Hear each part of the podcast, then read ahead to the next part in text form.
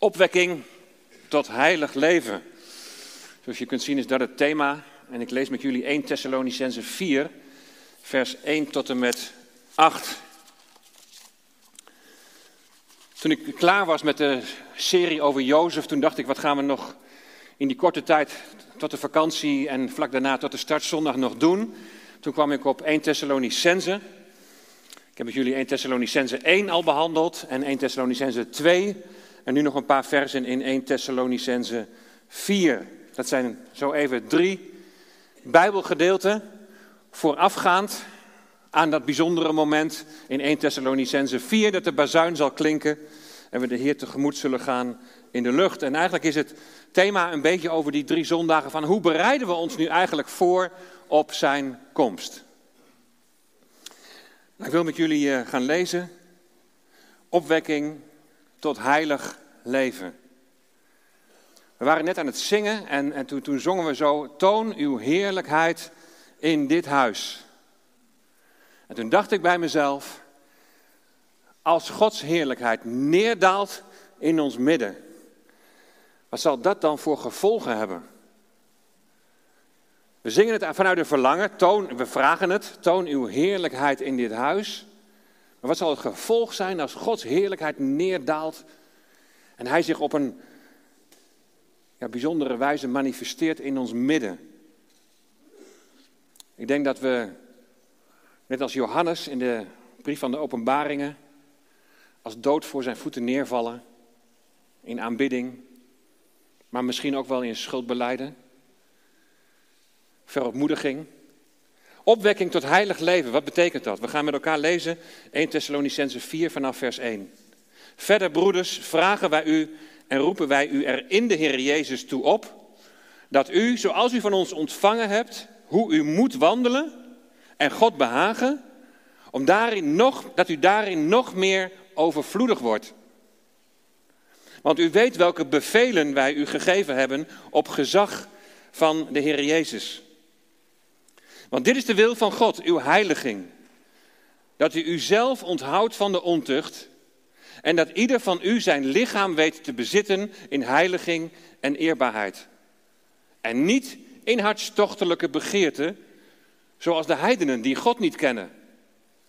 Laat niemand over zijn broeder heen lopen en hem bedriegen door zijn handelwijze. Want, want de Heere is een wreker van dit alles, zoals wij ook u ook van tevoren gezegd en bezworen hebben. Want God heeft ons niet geroepen tot onreinheid, maar tot leven in heiliging. Daarom, wie dit verwerpt, verwerpt niet een mens, maar verwerpt God, die ook zijn heilige geest in ons gegeven heeft. Tot zover de schriftlezing uit het woord van God, uit de Bijbel. De vorige keer toen stelde ik de vraag: waar denk je aan als ik zeg 1 Thessalonicense? En Lau die antwoordde direct, hij zegt de heiligmaking en de opname van de gemeente. Nou, daar is gelijk al heel veel discussie over, heb ik toen ook wel gezegd. Want het woord dat daar gebruikt wordt is niet letterlijk opname. We gaan de Heer tegemoet. En eigenlijk het woord dat daar gebruikt wordt, dat werd gebruikt voor de ontvangst van een koning. En dan ging een delegatie uit de stad, ging de koning tegemoet. En die vergezelde de koning dan weer terug naar de stad. En nu is alleen bij dat moment dat wij de Heer tegemoet gaan, even de vraag van hoeveel tijd zit er nou tussen dat moment dat wij de Heer tegemoet gaan en dat we weer met Hem terugkomen hier op deze aarde. Zit daar dan zeven jaar verdrukking tussen, of is het drieënhalf jaar, of is het één moment? En toen heb ik gezegd, ja, daar kunnen ontzettend grote discussies over gaan ontstaan. Maar laten we ons vooral nou eens richten op hoe bereiden we ons voor op die komst. Want daar gaan de versen voorafgaand aan dat moment van de Heer tegemoet gaan. Daar gaan die versen allemaal over. Hoe ben je gemeente met elkaar en hoe bereid je je voor op zijn komst? Of zoals uh, Douwe ook zei, van, zoals jij geleerd hebt, van hoe leef je nou dat christelijke leven? Want daar gaat het om. 1 Thessalonicense. Wat is dan het eerste wat in je opkomt? En de vraag is, hoe vertrouwd ben je eigenlijk met de Bijbel? Ik vraag je niet om de Bijbel uit je hoofd te kennen, zoals onze broeder die laatst getuigenis gaf, hè, dat hij op zijn dertiende de Koran al uit zijn hoofd kende. Maar raak wel vertrouwd met dat woord van God.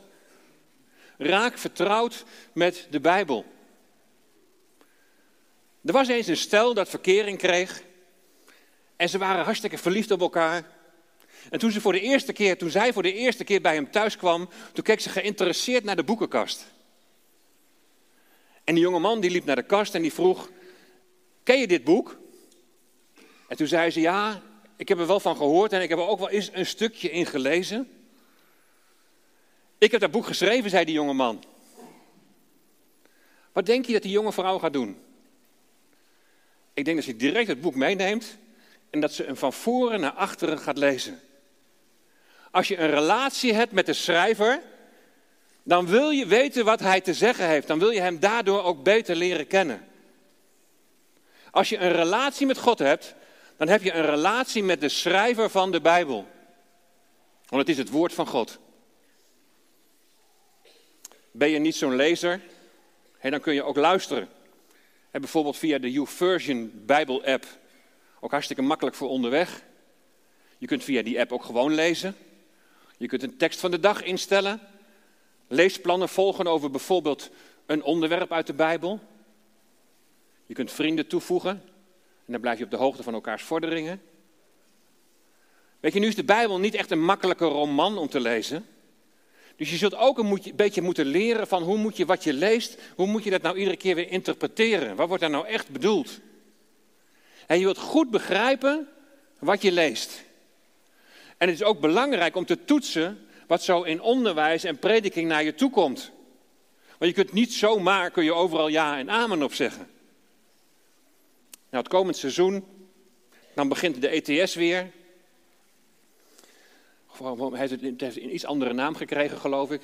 Evangelisch College Bijbelcursus. En dat begint hier in de Fontein. Iedere eerste en derde woensdag van de maand. En je gaat in vier jaar ga je alle Bijbelboeken door. Je leert de achtergronden van elk Bijbelboek. En uiteraard de inhoud van elk Bijbelboek. En je gaat steeds meer de rode draad door de Bijbel heen begrijpen en ontdekken. En je kunt ook zelfstudie doen. Joop Strietman die heeft daar in zijn preek nog aandacht voor gevraagd. En hij beval in zijn geval de HSV Studiebijbel aan. Dat is deze. Dat kost wel wat, 85 euro. Maar je hebt een schat aan informatie. Ieder Bijbelboek begint met een hele uitgebreide inleiding. Informatie over de auteur, over de datering, over het thema van de brief. Wat is het doel van de brief? Wat is de aanleiding? De historische achtergrond, de indeling, literaire kenmerken, mooie plaatjes, schema's. En bij alle versen een korte uitleg. Je hem ook online verkrijgen. En zo zijn er veel meer mogelijkheden. De studiebijbel bijvoorbeeld. Wat heb je ervoor over om jezelf te voeden met het woord van God? En het woord van God is niet een vluchtige snack, maar het is als het ware een vijf, vijf gangen diner. Iets waar je de tijd voor moet nemen. Om het tot je te nemen, om het te verwerken en om ervan te genieten. En je zou de Bijbel zou je kunnen zien als Gods brief voor jou. Niet alleen zoals in dit geval voor de Thessalonicenzen, maar ook voor jou en mij. Hoe serieus neem je zijn brief voor jou? En niet iedereen hoeft bijbelleraar te zijn en niet iedereen hoeft te prediken. Aan de een is het meer gegeven dan de ander om, om daarin te gaan schatgraven. Maar als je zelf met dat woord bezig bent, dan blijft het veel beter hangen.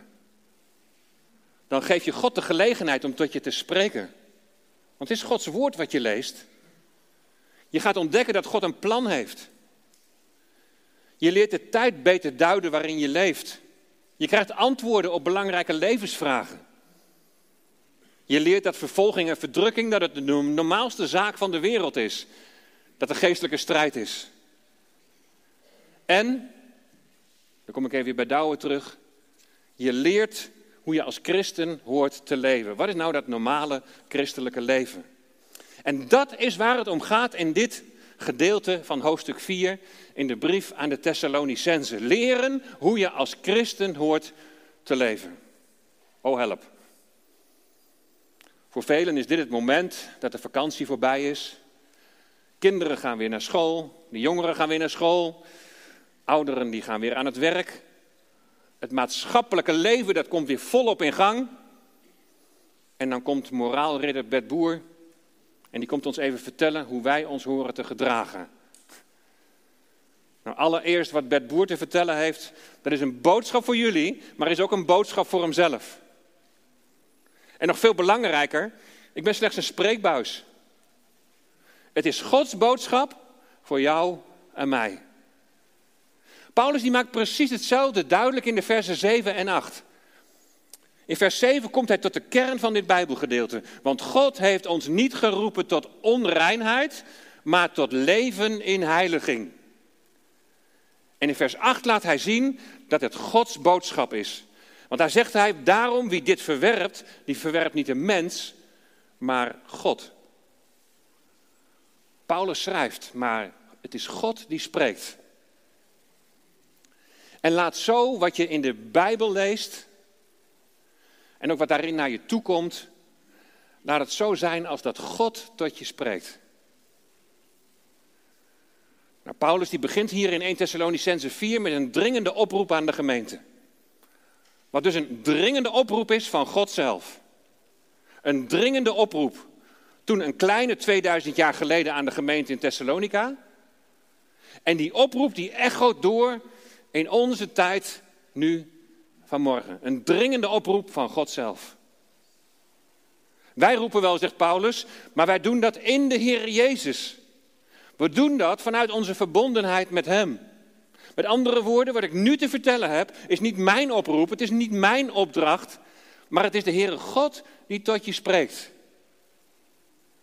Het is de Heer Jezus zelf die jou duidelijk wil maken wat Hij belangrijk vindt in relatie tot jouw wandel. Nou, ze hadden blijkbaar al eerder instructies gekregen hoe ze moeten wandelen in de gemeente. En dan wordt niet een gezellige vakantiewandeling langs het strand bedoeld of een mooie wandeling door de bergen.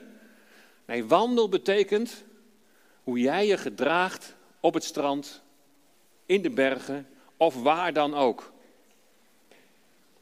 In je gezin, op je werk, op school, in de supermarkt. Het normale christelijke leven. Is het je opgevallen dat Paulus niet voorzichtig is? Dat Paulus ook niet bescheiden is? Hij schrijft niet, ik heb jullie al voorgehouden hoe je het beste zou kunnen wandelen. Nee, hij geeft aan hoe je moet wandelen. Dus niks, geen vrijblijvendheid of voorzichtigheid. Het gaat er ook niet om dat ze Paulus een plezier gaan doen met die wandel. Maar het gaat erom, schrijft hij, dat ze God gaan behagen. Daar gaat het om. Als je niet wandelt, als je niet, je niet gedraagt zoals God dat wil, dan doe je hem verdriet. En als je wel Gods wil doet, dan behaag je hem. Eigenlijk is het zo simpel. Als je niet naar Gods wil wandelt, dan doe je hem verdriet. Als je wel naar zijn wil wandelt, dan behaag je hem. In hoeverre maakt het je eigenlijk uit of je, of je God verdriet doet of dat je hem behaagt? En de vraag is dan, ja, wie is hij voor jou? En naar aanleiding van, van hoofdstuk 1 heb ik het met jullie gehad over het eigenaarschap van de gemeente. Wij gelovigen behoren de God de Vader en zijn Zoon Jezus Christus toe. Hij is de eigenaar. En we zijn betaald met de hoge prijs van zijn bloed, het offer van de Zoon. We hebben het met elkaar gezongen, wedergeboren door Jezus bloed. Hij heeft de prijs betaald. En wie betaalt, die heeft zeggenschap over datgene waar hij voor betaald heeft. Zo heeft hij dus zeggenschap en heeft hij het voor het zeggen in jou en mijn leven. Ja, door het geloof. Je bent, je bent overweldigd door zijn liefde. Je bent overweldigd door zijn genade. Je bent intens dankbaar voor je redding. En je wilt maar één ding. En dat is hem volgen. Zo zou het toch moeten zijn. En dan leg je zijn wil wat hij van je vraagt, leg je toch niet zomaar naast je neer. Dan neem je dat serieus. Nou, we zingen het soms zo gemakkelijk. Heer, leer mij uw wil, opdat ik u steeds dienen kan. Heer, leer mij uw wil, opdat ik u steeds dienen kan. Ik merk soms in gesprekken dat het woordje moeten, dat het haakt bij mensen. Hoe u moet wandelen en God behagen. En het past ook helemaal niet meer binnen de huidige opvattingen van onze maatschappij dat iemand anders over jou beslist hoe jij moet wandelen, hoe jij je zou moeten gedragen. Ook binnen de gemeente vinden we het soms lastig om aangesproken te worden op gedrag dat niet naar Gods wil is. Nou, waarom zou dat eigenlijk normaal moeten zijn? Ten eerste, omdat je niet aanspreekt om iedereen zodanig in de pas te krijgen zoals het jou, jij het voor ogen hebt. Nee, je spreekt erop aan omdat je vanuit, ervan uitgaat dat iedere gelovige het verlangen heeft om God te behagen. Nou, ik denk dat, dat we dat allemaal kunnen beamen. Dat, we, dat ons principe is dat we het verlangen hebben om God te behagen. Als dat niet zo is, dan is er wel iets raars aan de hand. Want dan ben je toch blij als je aangesproken wordt. Want dan kun je wat niet naar Gods wil is, kun je herstellen. En ten tweede, wil je dat, dat je liefdevolle relatie met God de Vader en de Heer Jezus Christus, dat die optimaal is. Je wilt niet dat er iets tussen jou en God instaat dat hem verdriet doet. Amen. Want dat belemmert je relatie met God. En het belemmert je groei in je geestelijk leven. Het is natuurlijk wel belangrijk hoe je elkaar aanspreekt en hoe je houding daarin is. Een houding van liefde en van bewogenheid. Bewogenheid ten opzichte van degene die je aanspreekt, daar ook bij ziende op je eigen zwakheid en je eigen tekortkomingen. Nou, hoe zat het met Paulus? De liefde van Paulus voor de gemeente in Thessalonica is duidelijk. Hij is ze zo lief dat hij zijn leven met hen wil delen. En vanuit die liefdevolle relatie, dus er is een relatie, en vanuit die liefdevolle relatie gaat hij ze oproepen om naar Gods wil te leven en zo God te behagen. En dat nog meer te doen. Dus daarin ook te groeien. Hij gaat verder. Want u weet welke bevelen wij u gegeven hebben. Wat, u aangezegd, wat, wij u aangezegd hebben. Op gezag van de Heer Jezus. Oei, bevelen. Weer zo'n woordje. We stonden op een camping. En vlak naast ons stond een man. En die had een bepaald gedrag. Toen dacht ik van nou, hij zou wel eens militair kunnen zijn geweest. En inderdaad, later hoorden we precies, klopte helemaal. En bemoeide zich overal mee, wist alles beter. En ging dan eventjes ook naar de buurman toe, die ging vertrekken en die zijn auto voor de caravan zette. Nee, nee, nee, dat moet je niet zo doen, dat moet je zo en zo doen. Hij was, maar aan, hij was nog steeds bevelen aan het geven. Nou, dat zien we hier Paulus ook doen. Want u weet welke bevelen wij u gegeven hebben, wat wij u aangezegd hebben op gezag van de Heer Jezus. Wat doet dat met je?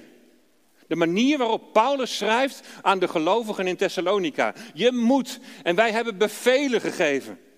Wij hebben u aangezegd. Gaat het dan een beetje jeuken? Of denk je, ach ja, maar dat, weet je, dat was toen de cultuur. Paulus zou tegenwoordig zeggen, wat ik vertel is mijn waarheid, maar jij moet maar bepalen wat jouw waarheid is. Ik geef je slechts een goed advies. Dat is postmodernisme. Dat is de tijd waarin we leven. Maar Paulus zegt niet, ik geef je een goed advies. Hij zegt, wij spreken op gezag van de Heer Jezus. Letterlijk, wij spreken door de Heer Jezus tot jullie. Het zijn niet Paulus' bevelen, maar het zijn de bevelen die hij als dienstknecht van God door zijn verbondenheid met de Heer Jezus in zijn naam doorgeeft. En wat is dan dat bevel? De versen 3, 4 en 5. Want dit is de wil van God, uw heiliging. Dat u uzelf onthoudt van de ontucht. En dat ieder van u zijn naam weet te bezitten in heiliging en eerbaarheid. En niet in hartstochtelijke begeerten, zoals de heidenen die God niet kennen. Als hier nou staat, dit is de wil van God, dan zou je toch je oren moeten spitsen. Want dat is wat je wil horen. Dat is wat je wil weten. Als je wedergeboren bent door Jezus bloed. En je beseft dat je in Christus een nieuwe schepping bent geworden. Dan zeg je, Heer spreek en laat mij zien wat uw wil is, wat uw verlangen is. Zegt u het maar, roept u maar. Want Heer, ik wil u behagen. Dat zou onze grondhouding moeten zijn als, als christenen, als gelovigen. Wat God wil, is jouw heiliging. En dan is jouw antwoord, ja Heer, ik wil heilig leven naar uw wil. Maar hoe doe je dat? Je bent tot geloof gekomen. Dat noemen we ook wel je rechtvaardigmaking. Dat is stap 1. God heeft in jou het geloof gewerkt. En je hebt gedankt voor het offer van de Heer Jezus voor jouw zonde. Aan jou is geopenbaard en je hebt in geloof aanvaard dat Jezus opstanding je tot een nieuwe schepping heeft gemaakt. Je bent qua positie ten opzichte van God, ben je van zondaar, ben je een heilige geworden. Je bent voor God rechtvaardig verklaard omdat Hij jou aanziet in zijn zoon. De schuld is betaald. Heilig betekent je bent apart gezet voor God. Apart gezet om Hem te dienen. Apart gezet om Hem te behagen. En vanaf het moment van je, van je rechtvaardigmaking begint dan je heiligmaking. Je bent dan qua positie ben je wel heilig, maar dat betekent niet dat je direct vanaf dat moment ook weet wat de wil van God is. En het is ook niet zo dat je vanaf dat moment nooit meer zondigt. Het proces van heiliging is begonnen. En dat is wat God wil. Uw heiliging, jouw heiliging. Dat je leert wat zijn wil is en dat je dat ook gaat doen. En dat je gaandeweg steeds meer verandert naar het beeld van de Heer Jezus. Dat is wat God wil. Uw heiliging. En dan maakt Paulus het hier heel praktisch in relatie tot hoe je dan met je lichaam om hoort te gaan. Wat is Gods wil? Dat jij je onthoudt van ontucht. Wat houdt dat in? Dat ieder van u zijn lichaam weet te bezitten in heiliging en eerbaarheid en niet in hartstochtelijke begeerte, zoals de heidenen die God niet kennen. Nou ja, als je dit leest, dat is al niet echt heel eenvoudig Nederlands. Dan moet je wel even goed op concentreren. E, even goed, goed lezen, wat staat er nou eigenlijk precies? En, en, de, en de vraag is ook, wat betekent, wat, wat, wat bedoelt Paulus nou eigenlijk met het woordje ontucht? Bij het woord ontucht denken wij al gauw aan seksueel overschrijdend gedrag. Bij ontucht dan denken wij al gauw aan verkrachting of, of incest. Bij ontucht denken wij aan seksuele omgang terwijl de ander dat niet wil. En natuurlijk verwerpen we dat. En als het goed is, dan hebben we er ook geen probleem mee dat Paulus dit aan de orde stelt. Prima dat Paulus dit aan de orde stelt. Mensen moeten hiertegen beschermd worden.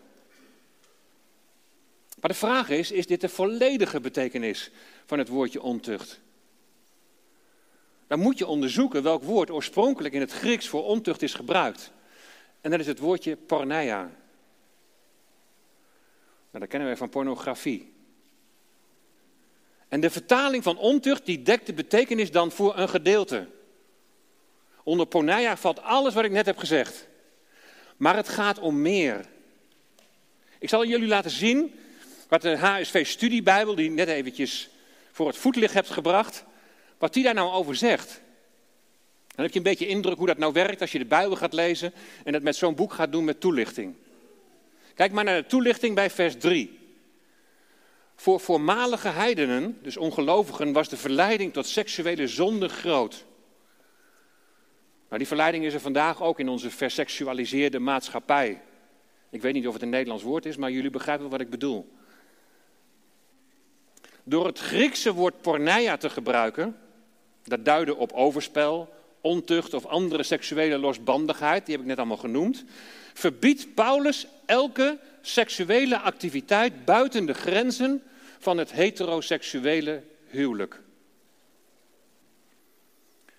Dus porneia gaat verder dan ongewenste seksuele omgang bij de wat de ene partij betreft of wat, wat, wat één partij dan niet wil, of overspel. Het omvat alle seksuele gemeenschap buiten de grenzen van huwelijk tussen man en vrouw. Daar valt dus ook de seksualiteit onder met hetzelfde geslacht. Maar ook gemeenschap voor het huwelijk valt hieronder. Nou, daar moet je anno 2022 mee aankomen. Dan zeggen ze direct, wie houdt dat nog vol? En als deze verkondiging zo rondgaat via YouTube, dan zullen mensen zeggen, wat is dat voor voorganger? Wat komt hij van een andere planeet of zo? De vraag is wel, wie houdt dat nog vol? En er zijn inderdaad een aantal factoren die het moeilijk maken om met die seksuele gemeenschap te wachten tot het huwelijk. En daar ben ik me heel goed van bewust. In je omgeving wordt het al heel normaal gevonden om niet te wachten, maar om uit te proberen. En er zijn verschillende scholen en onderwijsinstanties die je daar zelfs ook in stimuleren. Je moet het maar eerst eens gaan doen met iemand van jezelfde geslacht, wordt dan gezegd. En wij hebben onze eigen kinderen meegemaakt. Wat ook een feit is, is dat veel van onze jongeren wegtrekken uit de polder en die gaan studeren en die gaan op kamers. De sociale controle is weg. En ben je dan sterk genoeg om te wachten? Er zit ook vaak een hele lange tijd tussen verkering krijgen en trouwen. Wij hadden vijf jaar verkering. Nou, ik moet je eerlijk zeggen, ik vond het niet eenvoudig. Want de hormonen gaan natuurlijk werken. En ik ben niet van een andere planeet, dus ik heb die gevoelens ook. En wij hadden dat ook. Maar God was er zo duidelijk over. Allemaal moeilijke dingen. Het door studie, of doordat je nog geen woning kunt vinden. En dat is ook in onze tijd is dat een groot probleem. Hoe hou je het dan vol om te wachten? Maar mijn wedervraag is dan, hoe belangrijk is voor jou de wil van God? Hoe belangrijk is het voor jou om God te behagen? Hoe belangrijk is God voor jou? Dat is eigenlijk de wezenlijke vraag. Zijn wil doen, dat zou je hoogste prioriteit moeten zijn. Omdat je weet dat Hij het beste voor je wil. Het helpt al een stukje als je weet waarom Hij het zo belangrijk vindt, dat je, waarom, waarom je moet wachten. Nou, ik heb vorig seizoen heb ik daar een studie over gegeven, over ongehuwd samenwonen en seksualiteit voor het huwelijk. En die kan ik je zo toesturen als je dat wil. Maar daarin heb ik laten zien dat wisselende contacten voorafgaand aan het huwelijk bij intimiteit met je echtgenoot een hindernis kunnen zijn tot een, tot een diepe beleving. Omdat je dan altijd weer een referentie hebt naar die ander met wie je bent geweest. Ja, maar ik hou het bij die ene. Ja, weet je dat zeker? Wij hadden vijf jaar verkering, na vier jaar ging het uit. Heeft gelukkig niet lang geduurd. Er is weer herstel gekomen. Maar we waren ervan overtuigd wij zouden gaan trouwen. God wil dat je een verbond sluit en een belofte van trouw uitspreekt. En dat noemt de Bijbel het huwelijk. In het huwelijk sluit je een verbond en dan geef je daarmee aan dat alleen die ene persoon, dat je daaraan je lichaam geeft. En die intimiteit is voor niemand anders. Je lichaam weten te bezitten in heiliging en eerbaarheid. Daarvan zegt de HSV-studiebijbel dat hier seksuele zelfbeheersing wordt bedoeld. Tijdje geleden, toen kwam er een stel naar ons toe die zeiden we willen graag gaan trouwen. Want in de Bijbel staat als je van begeerte brandt, dan is het beter om te gaan trouwen. Ik denk, wat mooi dat je zo naar ons toe komt en dat, dat ook eerlijk zo zegt. En dat kan misschien dan niet met allerlei toeters en bellen zoals je dat vooraf had bedacht. Maar het is belangrijker dat je God behaagt. Geef je niet over in hartstochtelijke begeerten zoals de heidenen die God niet kennen. Als je qua positie, als je nou heilig bent geworden, dan, dan wil je daar ook naar leven. Dan wordt het leven naar Gods wil, wordt je verlangen. Want God heeft ons niet geroepen tot onreinheid, maar tot leven in heiliging. Daarom wie dit verwerpt, verwerpt niet een mens, maar God, die ook zijn heilige geest in ons heeft gegeven. Als je verwerpt wat hier Paulus hier als de wil van God naar voren brengt, als je verwerpt dat God je geroepen heeft tot een leven in heiliging, ja, dan verwerp je God zelf. Ja, maar Jij maakt toch ook wel eens verkeerde keuzes? Ja, dat klopt. Jij hebt toch ook wel eens momenten dat je verleiding niet kunt weerstaan? Ja, dat klopt. Jij bent toch ook niet volmaakt? Ja, dat klopt. Weet je, heiliging is een proces. Ik weet nog dat, dat we een keer een, stel meemaakten die hier in de gemeente kwamen, die samenwoonden en op een gegeven moment tot inzicht kwamen van, ja, maar we willen toch gaan trouwen. En toen werd er gezegd, ja, maar dan kun je het wel vergeten dat je in de fontein kunt trouwen. Want je hebt samen gewoond. Ik vind het juist zo mooi als er mensen zijn die tot inzicht komen. Ja, inderdaad, ik ben deze weg gegaan, maar dat is eigenlijk niet zoals God het heeft bedoeld. En ik wil nu naar een betere situatie, want God heeft het huwelijk bedoeld. En dan is het inderdaad een proces. Want deze mensen hebben ook niet van het, vanaf het moment van binnenkomen hier, hiermee geconfronteerd van en gelijk van pas op, want je bent verkeerd bezig. En mensen kregen de tijd om zelf te ontdekken. Om zelf in de gaten te krijgen hoe heeft God het nou eigenlijk bedoeld. Ik heb er meer moeite mee als iemand al jaren onderweg is en al precies weet hoe het zit en dan toch tot zo'n keuze komt. Dan denk ik, hoe kun je dat nou doen? Dus daar zit verschil tussen. En ook hoe je er dan vervolgens ja, met elkaar mee omgaat en hoe je elkaar daar dan ook op aanspreekt. Heiliging is een proces. Maar ik wil tot slot een aantal dingen noemen die ongelooflijk belangrijk zijn. In dat proces. Ten eerste, dat je nog niet volmaakt bent en dat je fouten maakt. Maak dat niet tot norm van je leven. Ja, ik ben nou eenmaal zo en iedereen doet het toch. Of Nee, dat maken we niet tot norm van ons leven. Ten tweede, in vers 8 wordt de Heilige Geest genoemd. En het is de Heilige Geest die de heiliging in je uitwerkt. En wat ik net vertelde over dat stel, de Heilige Geest heeft op een gegeven moment duidelijk gemaakt dat. In afhankelijkheid van de Heilige Geest leer je verleidingen te verstaan en, en Gods wil te doen. Vorige week, toen heb je nog gehoord bij Bert van Twillet dat het niet jouw strijd vanuit de mens is, maar het is Gods strijd. In jou en door jou heen. Je trekt de wapenrusting aan en je laat je leiden door de Heilige Geest. En ten derde ook een hele belangrijke. Vergeet nooit dat je oude mens met zijn wereldse begeerte is gekruisigd. Hou je oude mens voor gekruisigd. Dan wil je met alles breken wat tegen de wil van God ingaat. Besef wie je bent geworden in Christus. Een nieuwe schepping. Een nieuwe schepping die zich gaat voorbereiden op zijn komst, op wat komen gaat. We hebben het als bemoediging afgelopen donderdag nog bij het graf van Albert gelezen. 1 Thessalonicense 4. De bazuin zal klinken. De aartsengel zal roepen. We zullen Hem tegemoet gaan en voor altijd bij Hem zijn. God die wil met jou en mij, wil Hij samenwerken naar het uiteindelijke doel dat deze aarde vol zal zijn van de kennis van de Heer.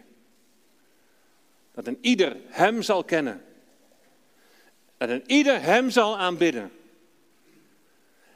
Het moment dat heiligmaking geen proces meer zal zijn. Want dan zullen we met een verheerlijk lichaam, zullen we de Heere onze God en de Heer Jezus aanbidden in volmaaktheid. Als je nou beseft dat jouw leven een voorbereiding is op wat komen gaat, kies je dan maar gewoon wat jou het beste uitkomt of wat jou het beste gevoel geeft?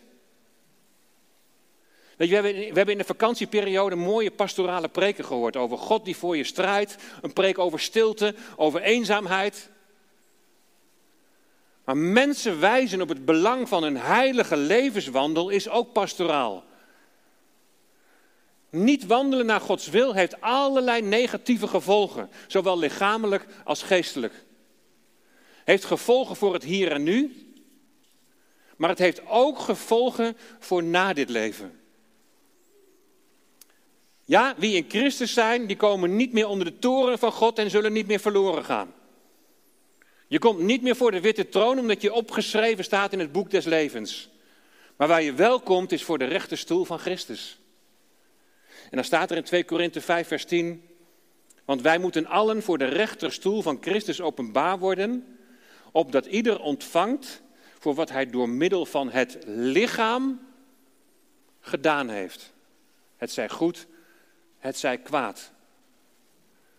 Wat je vandaag doet, heeft consequenties voor de eeuwigheid. Wat openbaar wordt, is wat je door middel van je lichaam hebt gedaan. Wat openbaar wordt, dat zijn je werken. En de vraag is, zullen je werken vuurbestendig zijn? Goud, zilver of edelstenen? Wat openbaar zal worden zijn je zonden. Het wordt doorgenomen en dan besef je hoeveel je vergeven is. Wat een dankbaarheid. Je bent behouden in Christus. Maar hier wordt bepaald wat je loon naar werken zal zijn.